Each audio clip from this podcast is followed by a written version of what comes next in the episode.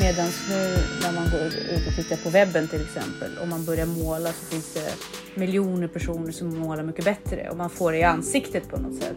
Mm. Och man kan aldrig känna sig liksom riktigt skicklig på något. Just det där att man lär sig att ångesten faktiskt går över, det tar slut. Någon gång kommer det ta slut. Man, man är beredd på lite olika, man är lite som en Swiss Army Knife. Man har Mm. olika verktyg som man har liksom vässat till under årens gång. Om man vacklar i sin tro, då är man ju lätt, Mm. mer lätt attackerad. Och därför att jag har förståelse för att vi vill samma sak i grunden. Eller jag kommer frysa, eh, jag kommer låtsas sova. Känner inte du suget så är det bra att fostra det här. Ja, men nu måste jag göra någonting utmanande och nytt. Därför att det blir ju så. Det snävar ju in en. Hej Jessica. Hej Tanja, hur är det? Det är bra. Det är så roligt för att alltid när vi börjar podda då hann vi alltid prata lite grann innan. För vi ringer inte upp och börjar podden på en gång. Vi skulle luras Nej. om vi skulle säga att vi gjorde det. Så vi har ju alltid pratat lite grann innan. Bara liksom catch up så.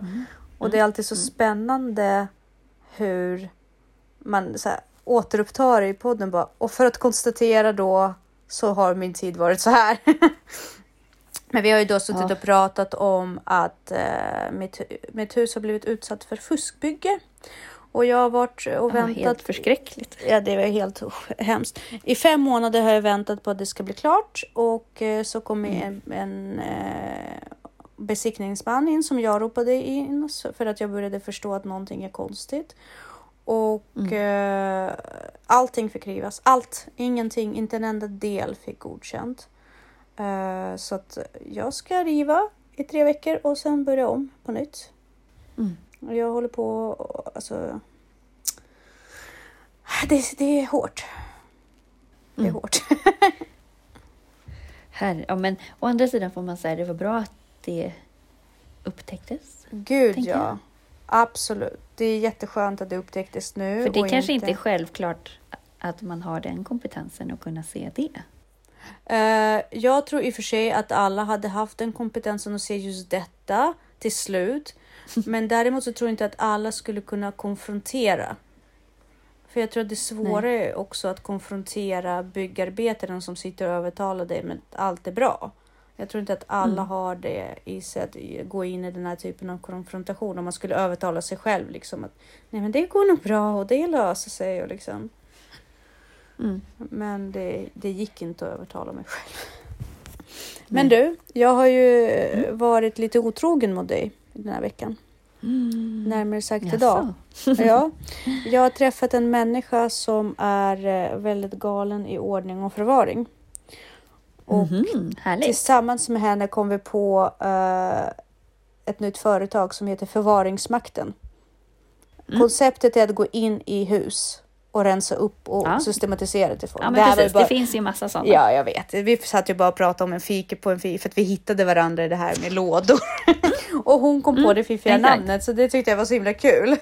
Förvaringsmakten. Ja, det är Ja. lite roligt för att vi brukar ju prata om det här men det skulle vara så skönt att ha allting kartlagt Mm. och systematiserat och i alla lådor med dum och maskin.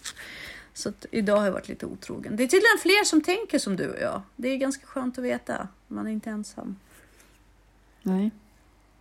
Nej, det är vi nog verkligen inte. Lite Ja, men tack för Men, dina eh, illustrationer också. De var jättefina. Du gillar, vad roligt att du gillade dem. Det känns faktiskt jättekul att höra. För jag kände, jag kände att det blev rätt. Mm. Men vi har ju fortfarande en fin framsida som väntar. Och det tycker jag att vi ska faktiskt försöka få ihop en videosamtal och diskutera hur vi ska gå Mm. tillväga. Men mycket av det du tog upp i din bok. Nu läser, alltså jag läser det varje gång jag sitter och illustrerar så sitter jag och läser lite. Mycket av det finns ju i det vi ska prata om idag. Mm. Så det var väldigt kul. Vill du presentera? Ja, men precis. Eh, vi tänkte ju att vi skulle prata om eh, 13 steg för att utveckla motståndskraft.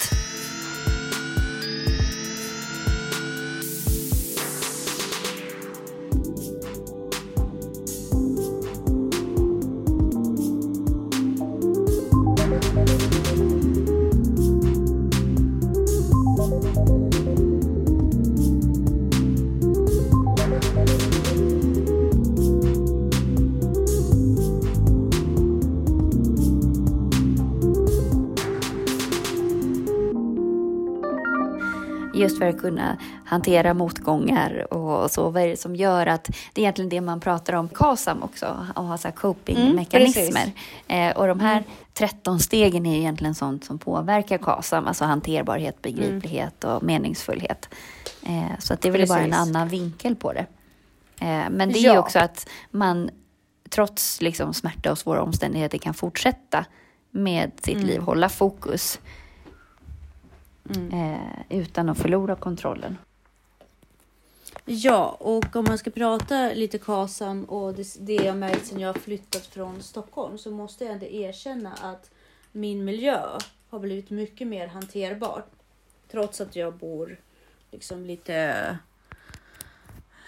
i mellanläger så jag bor inte hemma och sådär och eh, trots det så tycker jag att mitt liv har blivit mer begriplig för mig. Jag tycker det, det, är mer struktur på det här ute tycker jag på något mm. sätt. Det är mycket enklare, det är simplare.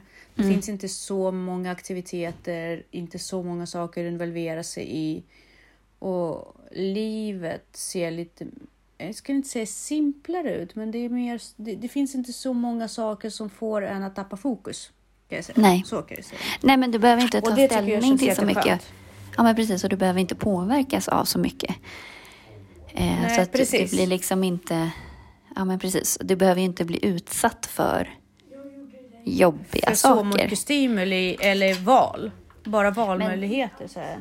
Nej, men precis. Men det, och det har ju att göra med att man kan bli bedömd eller att man blir värderad mm. eller så. Och där handlar ju också om första liksom, steget är ju att etablera bra relationer med sin omgivning. Mm. Alltså ha mycket, alltså, bra olika nätverk och också att man inte står och faller med ett nätverk. Alltså att man mm. är inte sitt jobb utan man har olika roller. Du har familjerollen, du har vännerrollen, du har mm. medarbetarrollen.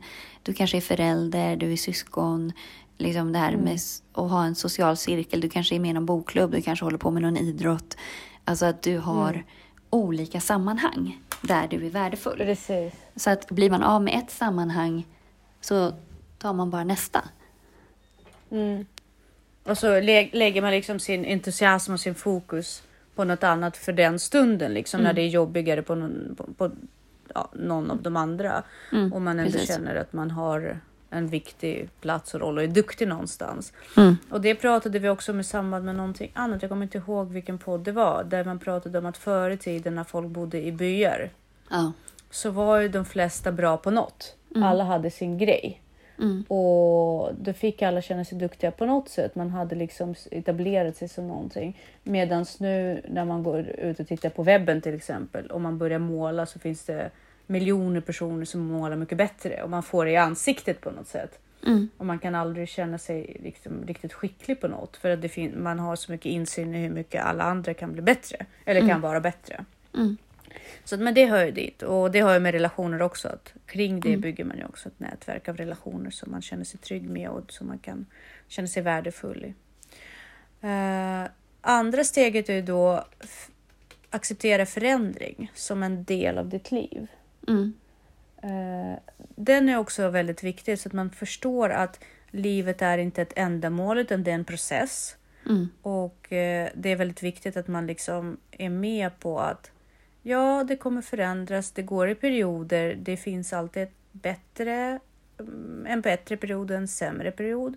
Men mm. man måste också förstå att ens för, alltså att förändringen i sig är inte mm. du. Nej. Du kan påverka den eller så kan du inte påverka den. Men det är inte din, ditt liv, liksom. det är inte du. Det, det definierar inte dig. Nej. Och på vissa, vissa saker kan du förändra genom att sätta tydliga mål, strukturera upp det. Och andra förändringar ska bara få ske.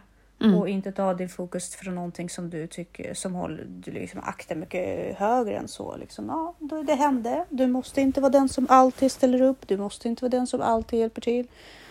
Du måste inte alltid vara den som löser heller. Lita på att andra kan lösa det också.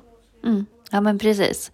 Eh, och jag tänker mm. också det här med att vara flexibel, alltså att acceptera att förändring är ofrånkomligt. Du kan ju förbereda dig och planera och så, men du måste också kunna lösa problemet när det kommer. För att eh, mm. annars blir det ju väldigt låst. Mm. Precis. Eh, och då, får, då blir det ju svårt, då blir man ju väldigt berörd eller störd. om någon rubbar Mm. ens cirklar.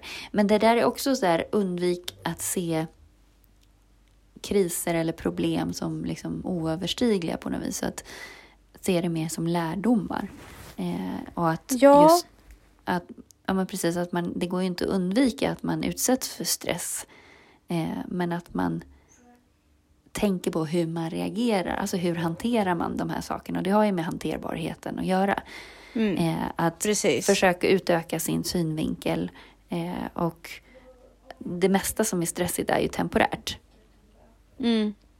Eh, och att det tycker jag är sån här ångesthantering. Att Mm. just det där att man lär sig att ångesten faktiskt går över, det tar slut. Någon gång kommer Mm. det ta slut. Och att man försöker koncentrera sig på det istället för att vara mitt i ångesten. Utan bara försöka Mm. andas och försöka ställa sig bredvid den och rida ut den på något, på något vis. Och Mm. här måste man ju vara ganska, upplever jag i alla fall, ett, ett sätt att hantera ångest är ju att vara väldigt uppstyrd och organiserad och planerad. Sen måste man ju vara som sagt beredd på att det kan förändras, men att man Mm. är lite, försöker vara lite förutsäga. Att man är lite prepper liksom. Mm. Man, man är beredd på lite olika, man är lite som en Swiss Army Knife. Man har Mm. olika verktyg som man har liksom vässat till under årens gång. Och Mm. sen så vet man det här, kan, det här kan jag hantera, det här kan jag hantera. Men Mm. också tycker jag, alltså det är viktigt i de här situationerna att vara väldigt sann mot sig själv. För det är inte alltid det man säger som är problemet som egentligen är problemet. Ibland kan vissa situationer påverka saker och ting som vi störs av men vi vill inte konfrontera. Liksom som till exempel att ett problem som drabbar ditt barn kanske i själva verket gör dig stressad för att du får mindre utrymme för att återhämta dig och inte nödvändigtvis att liksom, ditt barn har råkat ut för någonting. Förstår du hur jag Mm. tänker? Mm. Att, Absolut. att liksom, ja, om, om, om min unge har fått eh, tillsägelse från fröken att vi måste fortsätta eller vi måste öka i lästräning för att för att de ska uppnå målen så är det inte det som är problemet för dig i sig utan Mm. det faktum att det blir mindre tid för dig för de saker som du känner att du behöver ha och Mm. få för att må bra. Mm. Och, eh, och hade tiden inte varit en faktor, då hade det här inte heller känts så himla förödande. Så det är väldigt viktigt att punkta upp exakt vad problemet är Mm. och försöka se till den riktiga orsaken och inte Mm. riktigt eh, liksom symptomen så att säga. Nej. Eh, lite så. Nej men Och det, precis. då går vi liksom in i det här fjärde, förlåt, Ja. att etablera små uppnåeliga no- mål. Mm. För att om du lägger ner din tid på att strukturera upp kring och lösa ett problem som inte riktigt går till roten. Jag Mm. säger att man sätter upp ett schema och man läser. Då kommer du fortfarande inte frigöra tid för dig själv på annat håll för att Mm. ta igen det. Nej. Och det är egentligen där, där som är problemet för dig. Så du måste vara... Eh, självklart så handlar det om att etablera liksom, ett schema så, men också vara ärlig med vad är det jag behöver etablera schema kring? Mm. Vad är de här målen? Vad är Mm. de här delmålen? Och för det måste man liksom Mm. känna igen problemet också. Mm. Men just det här med små mål, Mm. det pratar ju du väldigt bra om i din bok. Ja, men det handlar ju om den här hanterbarheten. Och att man känner att man lyckas. Ja, precis. Och att man har kontroll. Mm. Det var så himla intressant för att jag har ju fastnat väldigt mycket med illustrationerna till din bok. Och jag kunde inte förstå varför, för jag älskar ju rita, jag älskar måla, men jag blev verkligen inte inspirerad för jag hade inga, jag kunde inte på något sätt hitta grundkonceptet. Nej. och, och kring och vi har ju pratat om det men det föll liksom inte på plats hos mig. Eh, ja, rent kon, konstnärligt. Jag hittade inte det här flowet som skulle komma. Nej. Så jag var, och grejen är, jag älskar boken, jag tyckte det var jättebra, jag älskar att rita, så jag fattade verkligen inte vad problemet var. Nej. Men jag gick faktiskt till ett eh, bibliotek, barnavdelningen, Mm. och kollade på barnillustrationer. Ja.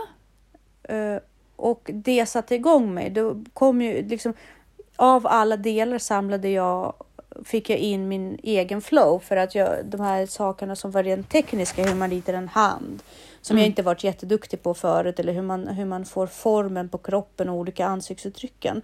Det följer på plats därför att jag fyllde ihop det med det här lärdomen då alltså från barn, just barnillustrationer. Mm.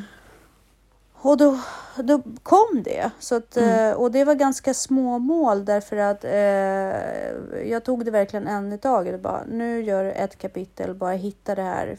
Mm. Va, vad vill du satsa på? Mm. Så lyckades jag med en illustration. Bara, vad tar du med dig? Och så vidare. Mm. och så vidare. Och där, där kände man...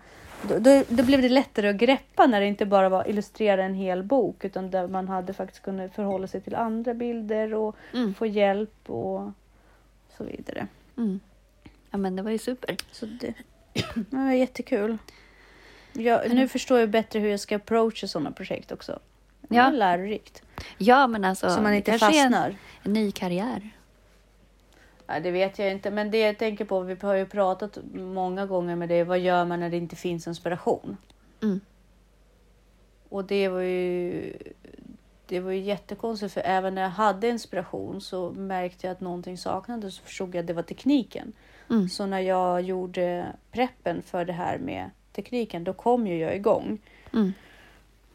Och de här små, liksom, uh, små målen blev ju någonting till slut. Mm. För att de ackumulerade faktiskt till någonting större Mm. hela tiden. Mm. Ja. Nej, men det är suveränt bra. Ehm, ja, men också sen att man inte är rädd för att ta beslut. För ofta så censurerar man sig ju själv. Eh, Mm. Och då blir man ju otrygg och osäker. Eh, och då är man ju också, om man vacklar i sin tro, då är man ju lätt, Mm. mer lätt attackerad. Alltså du är mer Mm. lättflyttad på något vis. Så att, att man Mm. inte är rädd för att ta beslut, för då blir man ju mer stabil och trygg. Eh, Mm. Och våga liksom lita på sin instinkt. Eh, så Mm. att, att man inte heller ignorerar problem eller skjuter upp dem, utan det som man kan göra nu, det gör man nu. Eh, för Mm. då, varför skjuta upp det liksom? Reda ut det på en gång. Om du inte kan göra det nu, så försök att se när. Att man ändå bestämmer det. Varför Mm. kan jag inte göra det nu? Eh, och när ska jag göra det istället då? Ja, att, eh, och det här med att ta beslut, det flyt, flyttar ganska över också till en psykologisk faktor där. När beslutet är taget så har man ju Mm. också på något sätt valt en väg, vilket innebär att man har gjort ett val och valt bort massa saker. Och då brukar det ofta kännas mycket lättare därför att du sitter inte längre och tvivlar kring massa små saker som skulle kunna påverka för du vet så här, ah, nej men jag det här. mm, Och då försvinner massa saker. Då kan du fokusera bättre för att du har fått mindre förhålla dig till. Förhoppningsvis har ju det valet lett till det. Mm. Ja, men precis. Mm, vilket är bara det är en enorm lättnad ibland när man är överväldigad av faktorer liksom. Nej, men precis. Och sen så att man självklart eh, försöker vårda en positiv syn på sig själv. Mm. Att man liksom har förtroende för sin egen kompetens och tillit till sig själv. Mm. Eh, Mm. för det har ju också med att man vet vilken, man blir stabilare på något vis, man vet vilken väg man ska Mm. gå. Och sen att man är nyfiken på, mig, på sig själv.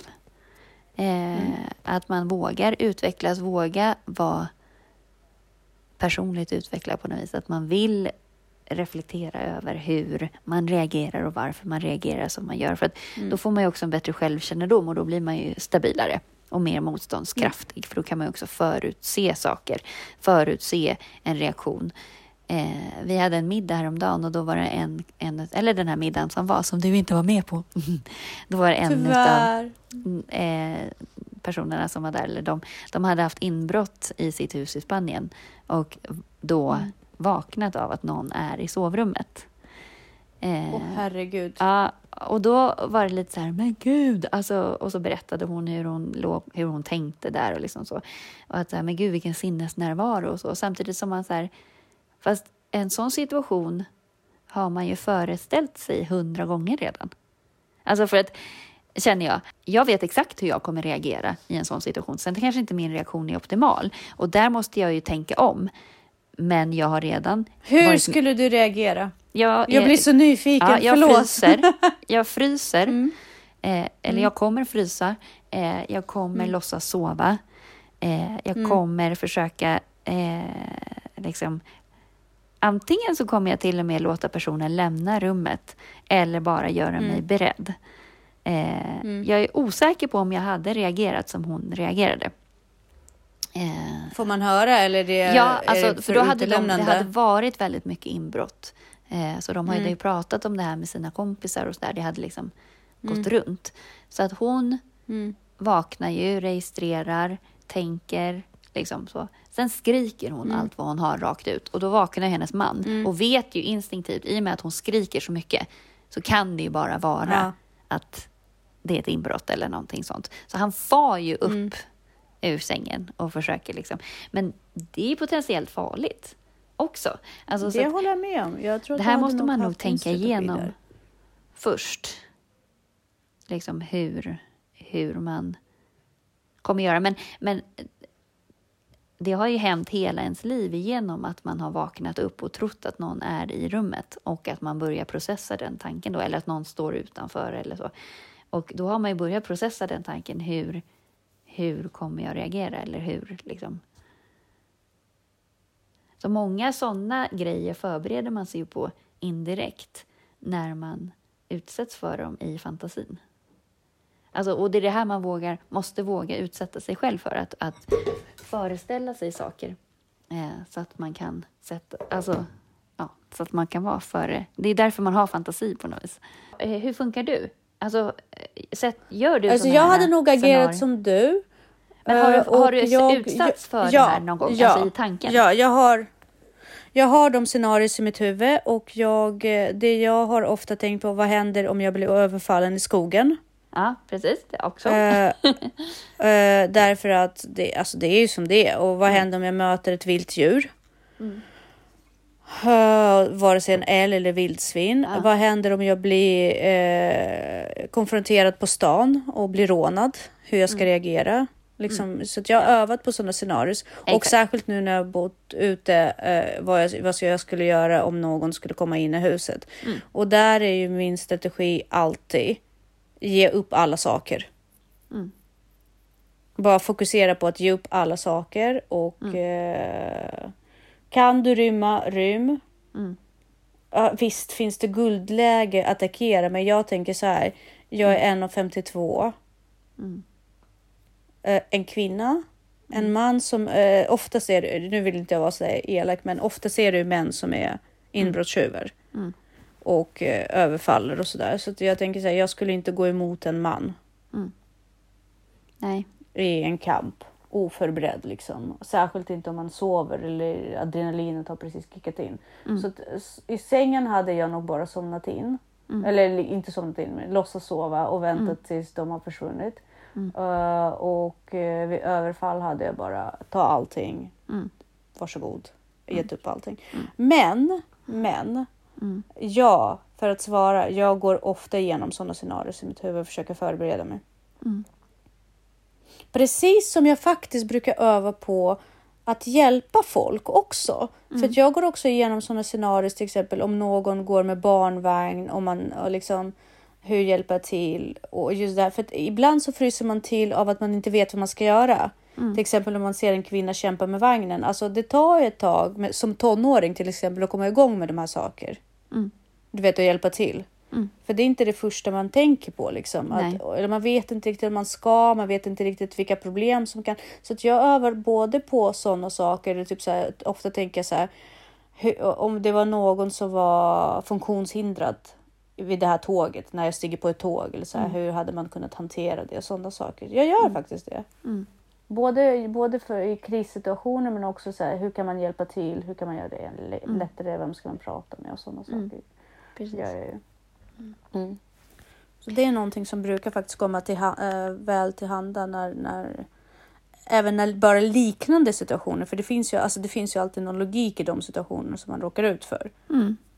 Så ofta har man ju tänkt igenom någon aspekt av Mm. det oförutsägbara. Liksom. Mm. Mm. Nej men precis, exakt.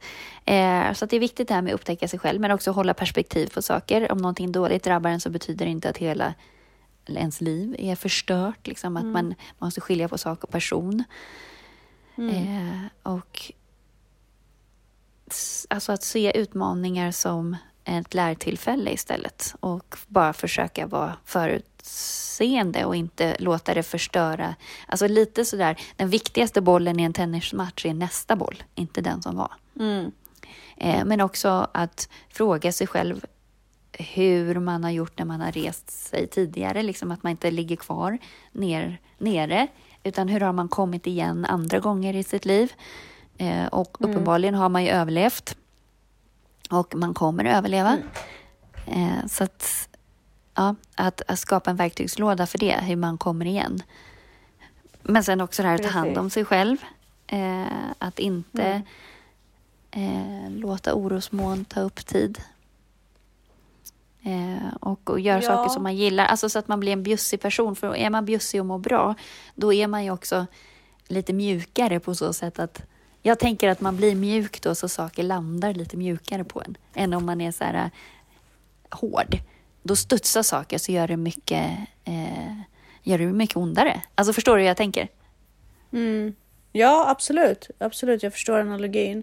Och eh, det går lite grann också i det som Dalai Lama säger att man har frågat så här varför, varför liksom, hur kommer det sig att du alltid känner dig så bekväm i alla situationer? Mm. Liksom, det verkar inte som att något kan få dig att stressa eller liksom eh, komma upp i varv. Hur behåller du det lugnet? Och då sa han alltså, jag känner mig trygg med människor överhuvudtaget. För mig Mm. är en människa redan så pass mycket bekant, bara per definition för det är en människa, att Mm. jag känner mig redan trygg i den sällskap, därför att jag har förståelse för att vi vill samma sak i grunden. Mm. Så att eh, det här, eh, liksom, det här med empati gör ju en också mer mottaglig för nedgångar. Mm. Därför att man dels så har man ju alltid tryggheten av folk som omringar dig. Mm. Därför att eh, man har skapat bra relationer, det vi pratade om i början. Och dels för att man sätter saker i perspektiv och så tänker man så ja ah, men så länge jag kan vakna och vara frisk. Eller så länge, och man själv har blivit drabbad, så länge jag kan vakna och mina barn är friska. Liksom man, man kan hela tiden säga vad man är tacksam för. Mm. Det blir lättare att Mm. förhålla sig till, om man liksom ser koppen halvfull. Mm. Ja men absolut, verkligen. Mm. Eh, och också det här med att ventilera. Mm. För det hänger ihop med att få perspektiv, att man diskuterar saker och hör hur andra reagerar. Och då är det ju en fördel om man inte har folk runt omkring sig som bara är ja-sägare utan som faktiskt ger perspektiv Mm. på. Men också att man, så att man också pratar ut så att man inte trycker trycker ner sina känslor och åsikter, för det kan man ju bli sjuk av. Men i det här så, så är det ju också att utveckla sig själv. Så många av de här stegen hänger ihop, men att läsa böcker, prata, eh, så, att, med personlig utveckling. Eh, hur andra har hanterat saker, just för att bygga upp sin egen verktygslåda. Och sen den sista är ju att eh, vilja utvecklas. Alltid, alltid, Att alltid. man vill... Precis, att det är ju egentligen ens syn på livet som är motståndskraften. Det är inte en begåvning eller en talang utan det är en egenskap man kan lära sig. Eh, och det utvecklar man ju hela livet. Det är liksom inte... Absolut. Ja, det är en förmåga att ha- styrkor och inkludera dem i, liksom ha strategier för det. Ja, och att man inte fastnar. Sen måste man ju träna på Ja, att komfortzonen inte tar, eh, tar för mycket plats i ditt liv. Därför att man märker, eh, om, om du har det för bra på något sätt, om det alltid känns bekvämt och bra, då måste du nästan känna suget efter något nytt och utmanande. Och ha, känner inte du suget så är det bra att fostra det här. Ja, men nu måste jag göra någonting utmanande och nytt. Därför att det blir ju så, det snävar ju in en. Mm. Eh, för man hittar ju alltid sätt att optimera sin komfortzon och så blir det mer Mm. snävt och mer snävt, man blir allt mer bekväm av sig. Så Mm. hela tiden någonting som man känner att det här kan jag utveckla och det här kan vara nytt och det här kan engagera mig. Mm. Eh, och just tänka det här, åh nu har, jag varit, nu, nu har det stagnerat här ganska länge. Mm. nu står vi still, nu måste vi låta nu måste vi dränera avloppet och, så, och låta nytt vatten flöda Mm. liksom, på något sätt. Att det inte blir bara, det inte bara står still. Mm. Och det gäller ju samma sak i relationer. Alltså, jag tänker med dina kompisar. Allt känns bra, absolut. Testa och liksom prata om nya saker. Mm. Precis. Testa att eh, om ni alltid pratar shopping och kläder, testa politik, testa liksom någonting nytt. Mm. Eh, eller tvärtom, om det alltid är väldigt intensiva eh, dialoger angående politik och filosofiska saker, testa en annan miljö. Liksom Mm. Utvecklas, se till att ni lär känna varandra på olika plan. Folk överraskar. Jag Mm. märker att folk överraskar hela tiden och det är väldigt trevligt. Mm. Och med det kan du utvecklas också. Jag tänker också på det här med att ventilera med andra.